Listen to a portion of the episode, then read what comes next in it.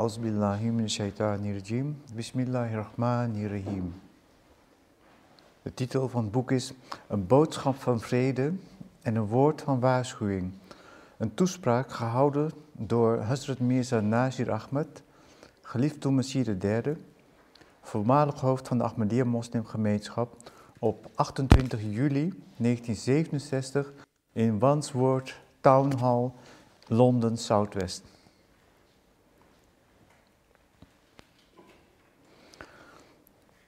Als hoofd van de Ahmadiyya-beweging heb ik de eer een geestelijk ambt te bekleden. In die hoedanigheid ben ik met verantwoordelijkheden belast, welke ik niet naast mij neer mag leggen dan op het moment dat ik mijn laatste adem uitblaas. Deze verantwoordelijkheden omvatten al mijn medemensen, van wie een ieder door de broederband mij dierbaar is. Mijn heren, de mensheid bevindt zich op het moment aan de rand van de afgrond. Tegen die achtergrond ben ik de drager van een belangrijke boodschap voor u en voor al mijn broeders. Met het oog op de omstandigheden zal ik trachten het kort te houden. Mijn boodschap is die van vrede, harmonie en hoop voor de mensheid. Ik hoop oprecht dat u aandachtig zult luisteren naar wat ik te zeggen heb en erover zult nadenken met een open en verlichte geest.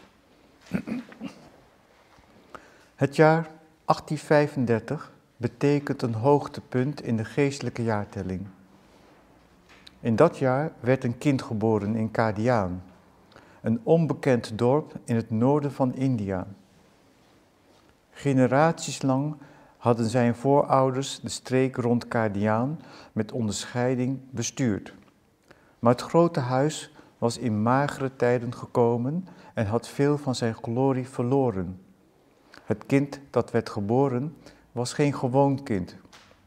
Hij was voorbestemd een grote revolutie teweeg te brengen en niet alleen in het rijk van de geest, maar ook in het rijk van de stof. Zijn ouders noemden hem Hulam Ahmed en hij werd later aan de wereld bekend onder de naam Hazrat Mirza Ghulam Ahmed Qadiani. Door God werd hij als de Messias en Mahdi aangesteld. Familieannalen geven aan dat hij geboren werd op 13 februari 1835. Het was een tijd van onwetendheid. Niet veel mensen in dat deel van India hielden van leren. Nauwelijks een paar konden schrijven of lezen. Dikwijls bleef een brief ongelezen bij gebrek aan iemand die hem lezen kon. De onderwijzers, die met het onderricht van het kind belast waren, waren niet erg geleerd. Zij leerden hem de heilige Koran lezen, maar ze waren niet bekwaam genoeg om zelfs de eenvoudigste uitleg van de betekenis en spirituele diepten van het heilige boek te geven. Ze gaven hem ook elementair onderricht in Arabisch en Persisch. Hij leerde de twee talen lezen, maar kreeg geen enkele bekwaamheid daarin. Hij bestudeerde onder leiding van zijn vader, die een beroemd geneesheer was, enige boeken op het gebied van inheemse medicijnen. Dit was het totaal van zijn formele educatie. Zeker, hij hield veel van boeken en werd gewoonlijk in beslag genomen door het lezen daarvan in de bibliotheek van zijn vader. Maar daar studeren en geleerdheid in die tijd niet erg in tel waren, wilde zijn vader dat hij meehielp in het behartigen van zijn wereldlijke aangelegenheden en dat hij zich ervoor ging interesseren en dat hij sociale achting en populariteit zou verkrijgen. Vandaar dat zijn vader hem van zijn studies trachtte af te houden en hem ervoor waarschuwde een boekenworm te worden. Het is duidelijk dat hij de enorme taak, door Allah aan hem toevertrouwd, met zo'n elementaire educatie niet tot uitvoer had kunnen brengen. Daarom werd Allah zelf zijn gids en leraar en onderwees hem in de betekenis van de heilige Koran en in de geheimen van de geest en van het leven. Hij verlichtte zijn geest met zijn licht en zegende hem met het meesterschap van de pen, met schoonheid en aantrekkelijkheid van uitdrukking. En hielp hem een groot aantal boeken van onovertroffen schoonheid te schrijven en toespraken houden die schatkamers van geleerdheid en geestelijke kennis zijn. De tijd van zijn geboorte was voorspeld door de vroegere profeten en vond opmerkelijke vermelding in hun geschriften en gezegden. Ik zou hier slechts één zo'n profeetje willen noemen, gedaan door de heilige profeet Mohammed, hoofd van de profeten. Vrede en zegen voor allen zijn met hem. Hij had geprofiteerd over de Mahdi meer dan 1300 jaar voordat een aantal valse pretendenten voor het geestelijke ambt van de beloofde Messias en Mahdi zouden opstaan onder de moslims. Geen van hen zou de werkelijke Messias zijn, behalve één, een werkelijke volgeling van de heilige profeet. En om de waarheid van zijn aanspraak te bewijzen, zouden twee grote hemelse tekenen verschijnen. Deze tekenen zouden de zon en de maan-eclips zijn, die plaats zouden vinden in dezelfde maand Ramadan. De maan-eclips zou zich voordoen op de eerste van de daarvoor in aanmerking komende nachten. Voor zulke eclipsen, dat is de dertiende. De zonne-eclips, de zon-eclips zou zich voordoen op de tweede van de daarvoor in aanmerking komende dagen. Voor zulke eclipsen, dat is de 28ste.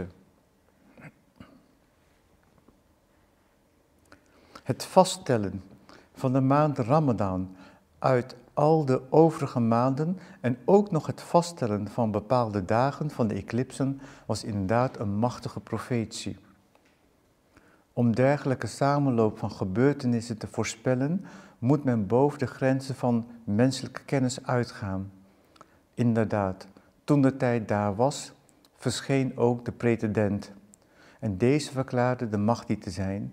En dit werd gevolgd door de twee hemelse tekenen de twee eclipsen zoals het met nauwkeurigheid en juistheid was voorspeld. Zeer zeker was deze profetische uitspraak van de heilige profeet, zoals de gebeurtenissen het een 1300 jaar later bewezen, in waarheid goddelijk geïnspireerd en van bovenmenselijke oorsprong. Op deze wijze werd de profetie vervuld.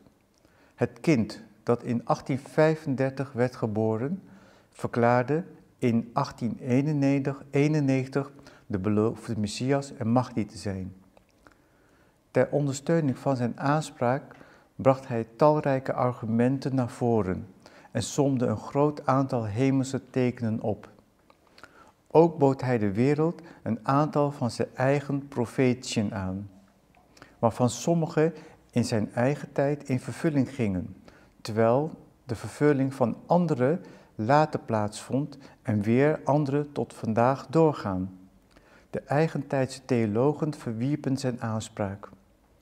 Een van de redenen voor deze verwerping, welke door hen naar voren werd gebracht, was dat de profetie van de heilige profeet, namelijk die betreffende de zon- en de maan-eclipsen, die plaats zouden vinden in een bepaalde maan en op bepaalde dagen, en die een teken zouden zijn voor de betrouwbaarheid van zulk een pretendent, nog niet vervuld was. Daarom kon hij, volgens hen, niet de ware Mahdi zijn. Maar de Almachtige God houdt altijd zijn beloften en behandelt zijn oprechte dienaren met liefde en trouw. In overeenstemming met zijn belofte en de profetie van de heilige profeet vonden de zon- en maan-eclipsen in de juiste maand en op de juiste data in 1894 plaats en manifesteerden al dus aan de gehele wereld dat God van Mohammed, vrede en zegening van al met hem, almachtig en de Allerhoogste is. Hij toonde dit teken niet één, maar twee keer, want het werd het volgend jaar op het westelijk halfrond herhaald. De twee eclipsen vonden plaats in de juiste maand en op de juiste data, zodat de mensen van het oosten en van het westen, van de nieuwe en de oude wereld, getuige konden zijn van de opperste glorie en macht van God en van de betrouwbaarheid van de heilige profeet Mohammed en zijn geestelijke zoon Hazrat Mirza Ghulam Ahmed. Groot is de heilige profeet die deze profetie op basis van zijn goddelijke kennis uitsprak. En groot is zijn geestelijke zoon, in wiens gestalte de profetie werd vervuld. In de periode van Mohammed tot Hazrat Mirza Ghulam Ahmed, in een tijdsverloop van 1300 jaar, waren er verschillende personen die beweerden machtig te zijn. Maar de zon en de maan droegen geen getuigenis van de betrouwbaarheid van één van hen, behalve in het geval van Hazrat Mirza Ghulam Ahmed. Dit alleen moet voldoende voor u zijn om de zaak onpartijdig en oprecht te overdenken en de aanspraak van deze pretendent te overwegen, waarvan ik de eer heb diens boodschap deze avond aan u over te brengen. En aan wiens zijde de zon en de maan als vurige getuigen van zijn betrouwbaarheid en geloofwaardigheid stonden. Tot zover over de zon en de maan. Laten wij ons nu tot de, aardse, tot de aarde wenden en horen wat zij te zeggen heeft. Met de komst van de beloofde Messias en Mahdi zouden vreemde en buitengewone omwentelingen en revolutionaire veranderingen, zowel stoffelijke als geestelijke, plaatsvinden. Inderdaad, heel die verschijnheid van revoluties en belangrijke historische veranderingen zijn verschillende dimensies van hetzelfde revolutionaire proces dat ingeluid werd met zijn komst als Mahdi en Messias en die tevens getuigenis van zijn waarheid dragen. Wat nog meer zegt, deze omwentelingen vinden plaats zoals voorspeld door de heilige profeet en de beloofde Messias. Laat ik enige voorbeelden geven. Gedurende de eerste tijd van de missie van de beloofde Messias was er geen enkel Oosters land dat kon wedijveren met de macht van de geciviliseerde en machtige naties van het Westen. Toen, in 1904, werd hem geopenbaard dat spoedig bepaalde Oosterse naties zouden opstaan als belangrijke wereldmachten die de suprematie van het Westen zouden uitdagen. Kort daarop versloeg Japan Rusland en bevestigde daarmee zijn aanspraak als een Oosterse wereldmacht. Na de val van Japan in de Tweede Wereldoorlog kwam China als een grote Oosterse macht op. De opkomst van deze twee naties als wereldmachten veranderde de loop van de geschiedenis en terwijl de jaren verder gaan, zal hun invloed op nog grotere schaal bespeurd worden. Dit alles is gebeurd overeenkomstig de goddelijke wil zoals die aan de beloofde Messias geopenbaard werd. Een andere belangrijke gebeurtenis van deze eeuw, welke de gehele wereld beïnvloedde, is de verdwijning van het tsaar en zijn familie en zijn imperialistische regime en de triomf van het communisme. De Russische revolutie, die de loop van de geschiedenis veranderd blijkt te hebben, vond plaats precies in overeenstemming met de profetie van de beloofde Messias. Het was in 1905 dat hij op basis van goddelijke openbaring profeteerde dat de tsaar van Rusland, zijn gezin en zijn regeringsstelsel tegenover gruwelijke ellende zouden komen te staan en vernietigd zouden worden. Het is een merkwaardige coïncidentie dat binnen de termijn van enkele maanden na deze profetie de politieke partij werd opgericht die zo'n 12 of 13 jaar later de monarchie en het koninklijke huis van het tsaar omverwierp. De uiteindelijke opkomst van het communisme en zijn uitgestrekte vertakkingen zijn te bekend om uitwerking te behoeven. Mogen het voldoende zijn te zeggen dat de omverwerping van tsaristisch regime, van het tsaristische regime en de overwinning van het communisme in Rusland en elders een tragisch hoofdstuk van de menselijke geschiedenis is. En dat het lezen ervan pijn doet, maar dat geen zins ontkend kan worden.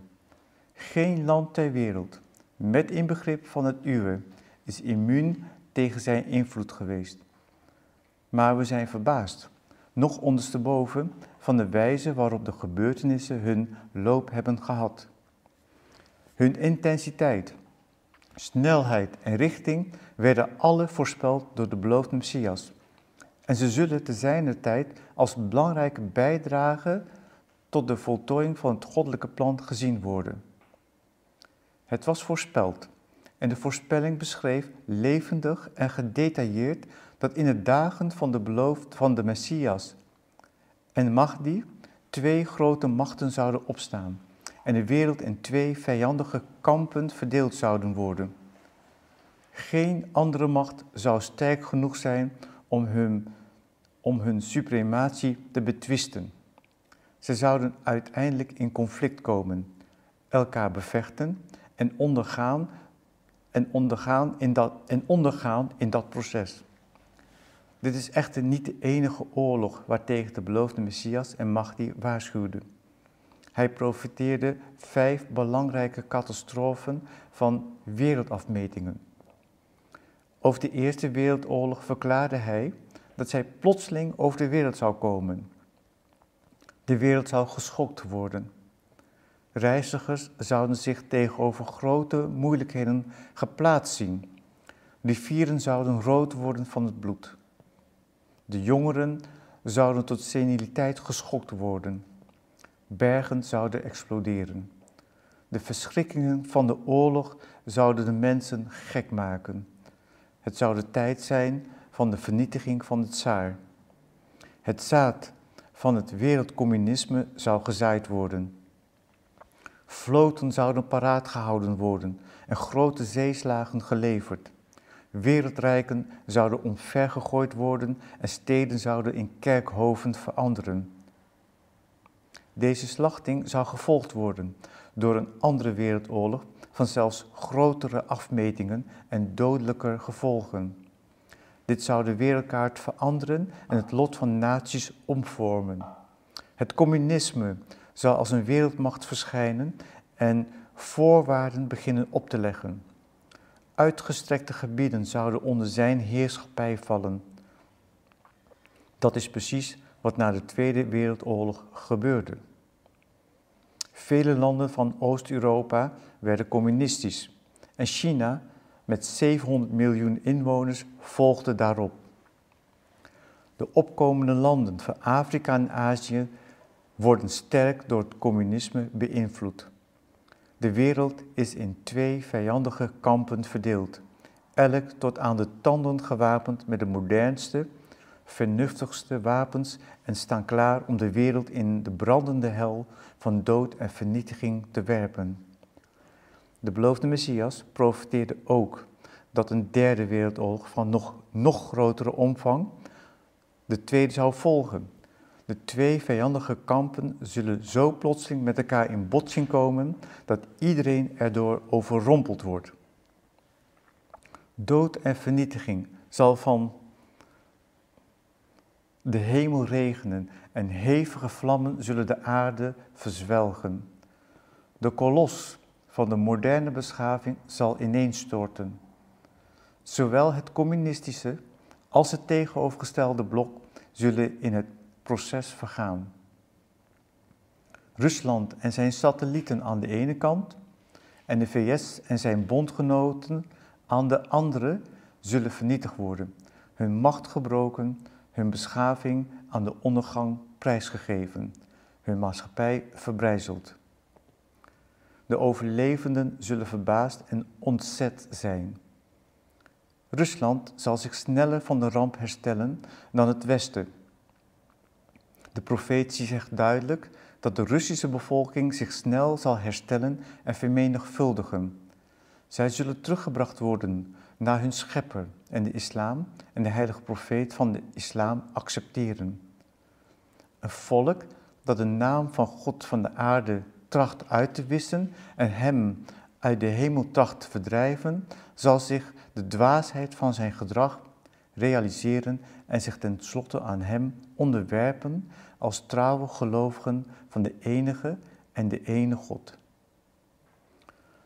U kunt dit als fantasie beschouwen, maar zij die de derde wereldoorlog overleven, zullen getuigen en de waarheid van hetgeen ik gezegd heb uitdragen. Dit zijn de woorden van God Almachtig. Zij zullen vervuld worden. Zijn besluit kan niemand afwenden. Het einde van de Derde Wereldoorlog zal het begin van de triomf van de islam zijn. De mensen zullen de waarheid in grote getalen aannemen en beseffen dat alleen de islam de ware religie is. En dat de vrijmaking van de mens slechts verkregen kan worden door de boodschap van Mohammed. Vrede en zegen voor Allah zijn met hem. Al deze gebeurtenissen zijn belangrijke mijlpalen in de geschiedenis van de mens. De opkomst van Japan en later die van China aan de oosterse horizon, de totale verdwijning van tsaristisch Rusland, de triomf van het communisme en zijn groeiende invloed in de wereld op grote schaal. De Eerste Wereldoorlog die de wereldkaart veranderde en de Tweede Wereldoorlog die een geweldige ontreddering en beroering teweegbracht, zijn geen gewone gebeurtenissen. Zij vonden plaats zoals voorspeld was.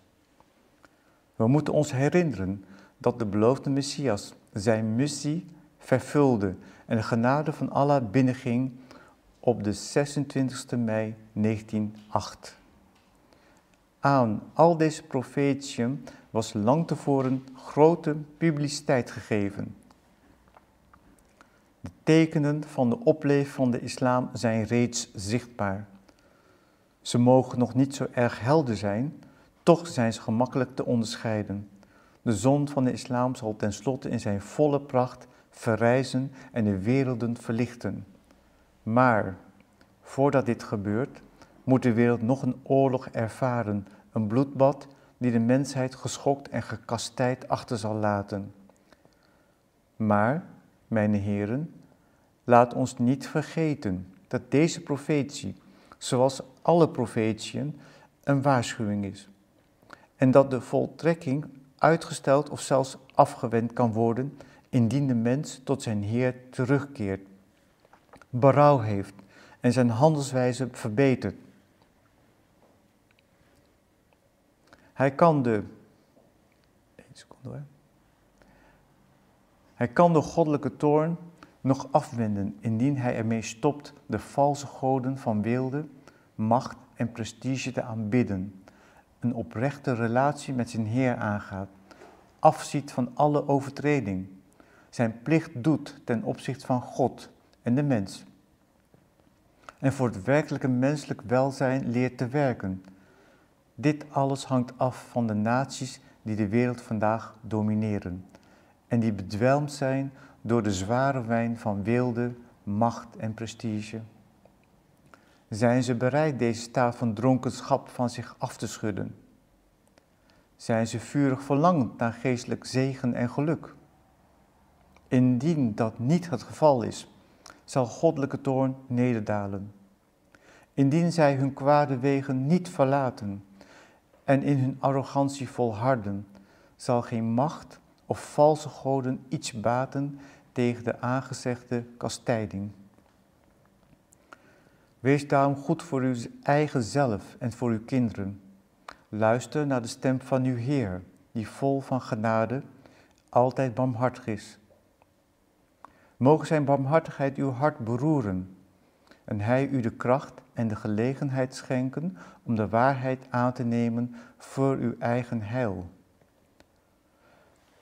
Nu een woord over de geestelijke revolutie waarvoor Hazrat Mirza Ghulam Ahmed, de grote geestelijke zoon van de heilige profeet Mohammed, bestemd was om deze te veroorzaken. We moeten ons herinneren dat in de tijd van zijn komst de wereld van de islam een periode van buitengewone hulpeloosheid en verval doormaakte. De moslims waren arm en onwetend Industrieel waren ze achterop en hadden hun initiatief in handel en zaken verloren. Over politieke macht beschikten ze niet meer. Nergens in de wereld genoten zij werkelijke onafhankelijkheid. Moreel waren ze bankroet en leden, ze, en leden aan een acuut gevoel van frustratie. Ze hadden zelfs de wil verloren om er weer bovenop te komen en zich in de rij van de levende naties van de wereld te voegen. De islam werd van alle kanten aangevallen en er was niemand om haar te verdedigen. De christenheid was de meest bittere en actieve van haar vijanden. Zijn zendelingen waren naar alle delen van de wereld uitgegaan en leidden een bittere slag tegen de islam. Geld en politieke macht werden gretig ingezet om te helpen. Hun belangrijkste mikpunt was altijd de islam. De christenheid vertrouwde zo op haar overwinning dat de voorstanders triomfantelijk verklaard hadden. Ten eerste, het continent van Afrika was een peulenschilletje. Een tweede, er zou in India geen moslim overblijven. En ten derde, de tijd was gekomen om de vlag van de christenheid boven Mekka te hijsen. Tegenover dit alles stond Hazrat Mirza Ghulam Ahmed alleen, op een paar arme moslims na die zich bij hem geschaard hadden.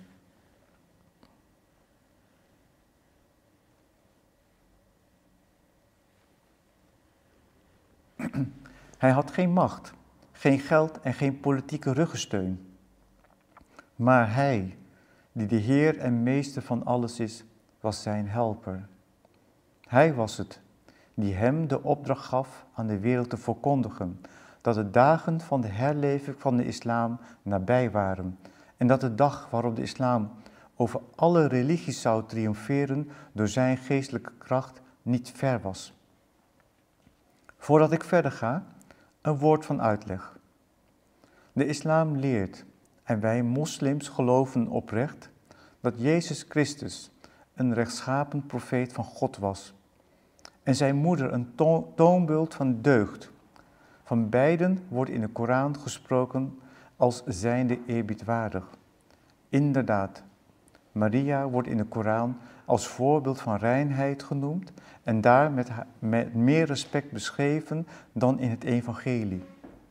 De Koran veroordeelt echter met uiterste strengheid hun verheffing tot godheden door de kerk. Dat en de weigering van de kerk om de heilige profeet Mohammed te accepteren zijn de scherpe scheidingslijnen tussen christendom en islam geworden. De beloofde Messias, islam, heeft gezegd: Ik ben voortdurend aan het peinzen over de mogelijkheid om tot een beslissing te komen tussen ons en kerk-christendom. Mijn hart bloedt over dwalingen om doden te aanbidden. Want wat zou pijnlijker zijn dan dat een nederig menselijk wezen als God aanbeden wordt en louter een handvol stof uitgeroepen wordt als de Heer van alle werelden. Ik zou reeds lang van verdriet gestorven zijn, indien God, die mijn Heer en mijn Meester is, mij niet had toevertrouwd dat de eenheid van Allah uiteindelijk zal zegevieren, dat alle andere godheden zullen vergaan, valse goden van hun toegeschreven goddelijkheid ontdaan zullen worden. De periode waarin Maria als de moeder van God aanbeden wordt tot het einde zal komen en de leerstellingen van de goddelijkheid van haar zoon eveneens zal wegsterven. God Almachtig zegt in de Koran, indien ik wil, zullen Maria en haar zoon Jezus en allen die de aarde bewonen omkomen. Welnu, hij heeft gewild dat de valse God, goddelijkheid van beiden de dood zullen sterven. De twee godheden moeten daarom sterven. Niemand kan hen redden. Met hen zullen al die neigingen sterven, welke dwongen tot gehoorzaamheid aan valse goden. Er zal een nieuwe hemel en een nieuwe aarde zijn.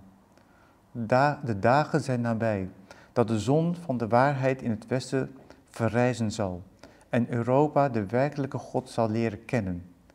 Daarna zal de deur van berouw gesloten worden, want zij die wensten binnen te gaan, zullen met vurig verlangen binnengekomen zijn. Alleen zij, wier hart van nature verzegeld is, die niet het licht, maar de duisternis liefhebben, zij zullen buiten blijven. Alle, alle religies zullen vergaan, behalve de islam. En alle wapens zullen breken, behalve het hemelswapen van de islam, dat nog breken, nog bot worden zal, totdat het de machten van de duisternis versplinterd heeft. De dag is nabij dat de zuivere eenheid van God, die zelfs woestijnbewoners die onbekend met alle religie zijn in hun hart voelen, zich overal zal verspreiden. Die dag zal geen valse verlossing of valse God overleven. Een slag van goddelijke hand zal alle intriges van ongeloof teniet doen, maar niet met het zwaard of het geweer, maar door middel van het verlichten van een aantal zielen met goddelijk licht en door het vervullen van vrome harten van goddelijke luister. Pas dan zult u begrijpen wat ik zeg. Dit staat in Tablighi Risalet volume, volume 6, bladzijde 8 en 9. Sinds de tijd dat deze profetische woorden gesproken werden, heeft de wereld van de religie zich totaal veranderd.